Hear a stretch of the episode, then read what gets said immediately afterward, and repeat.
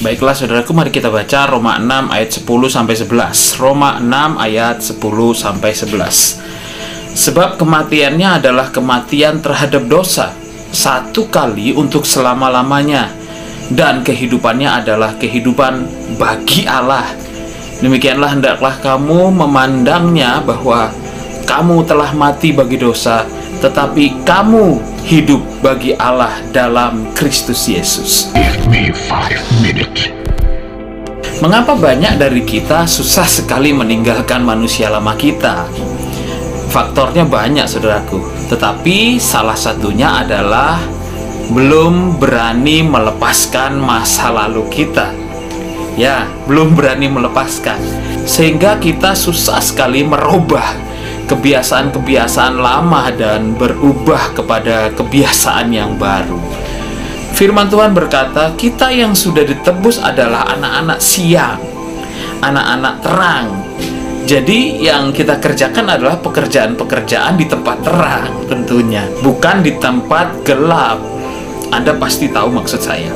Nah, masalahnya kita dan manusia lama kita berasal dari sana, kegelapan pekerjaan malam adalah gaya hidup kita. Susah sekali jika kita merubah habit kepada terang. Butuh kekuatan dari Allah tentunya. Namun Tuhan berikan cara. Seperti yang dikatakan Tuhan Yesus kepada Nikodemus. Kita harus dilahir barukan, saudaraku. Itu yang membuat kita berbeda kepemilikan. Yang dahulunya kita milik dosa, namun setelah kelahiran baru kita, kita menjadi milik Kristus.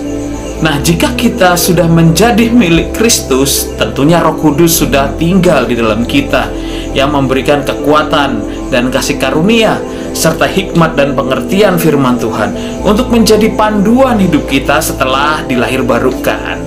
Masalahnya, jika belum dilahir barukan, maka mustahil bagi kita untuk mengalami perubahan dalam kehidupan kita. Kita masih berhasrat untuk kembali ke dunia lama kita. Tentunya seperti itu ya saudaraku. Anda yang masih baru menerima Kristus pun mirip. Anda membutuhkan bimbingan sampai Anda dapat berdiri sendiri. Jangan sampai benih firman yang sudah ditaburkan di patok burung, dicuri iblis, atau Anda karena belum dewasa rohani dan tak terpelihara, maka Anda cepat layu dan kehilangan gairah di dalam Tuhan. Jadi kelahir baruan itu memiliki peran penting dalam kekristenan dan kita yang sudah dilahir barukan sangat butuh untuk kita berpaut erat dengan Tuhan supaya tetap terus mengalami pertumbuhan. Saudaraku, benih itu tidak akan dapat bertumbuh dan menjadi pohon yang besar yang dapat menaungi sebelum mati dan hancur. Firman Tuhan mengatakan demikian dia harus menghancurkan dirinya sendiri sebelum tunas baru merangkak keluar bertumbuh dan berkembang. Sama dengan iman kita tidak akan bertumbuh sebelum kita menyediakan diri kita untuk iman kita bisa bertumbuh. Kita harus hancurkan ego kita harus meninggalkan manusia lama kita dan memberi diri untuk Tuhan bekerja tentunya dalam kita. Jika tidak Ya itu kenapa hidup kita bolak-balik tang ting tung dan gak ada perubahan gitu. Mari sekali lagi kita baca Roma 6 ayat 12 sampai 13. Roma 6 ayat 12 sampai 13 mengatakan demikian. Sebab itu hendaklah dosa jangan berkuasa lagi di dalam tubuhmu yang fana, supaya kamu jangan lagi menuruti keinginannya dan janganlah kamu menyerahkan anggota-anggota tubuhmu kepada dosa untuk dipakai sebagai senjata kelaliman.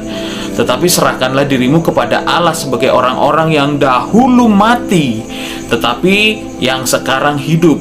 Dan serahkanlah anggota-anggota tubuhmu kepada Allah untuk menjadi senjata-senjata kebenaran. Nah, saudaraku, perhatikanlah kehidupan Anda jika memang Anda mencari kehidupan yang sesungguhnya, maka jangan jauh-jauh dari kasih karunia Tuhan.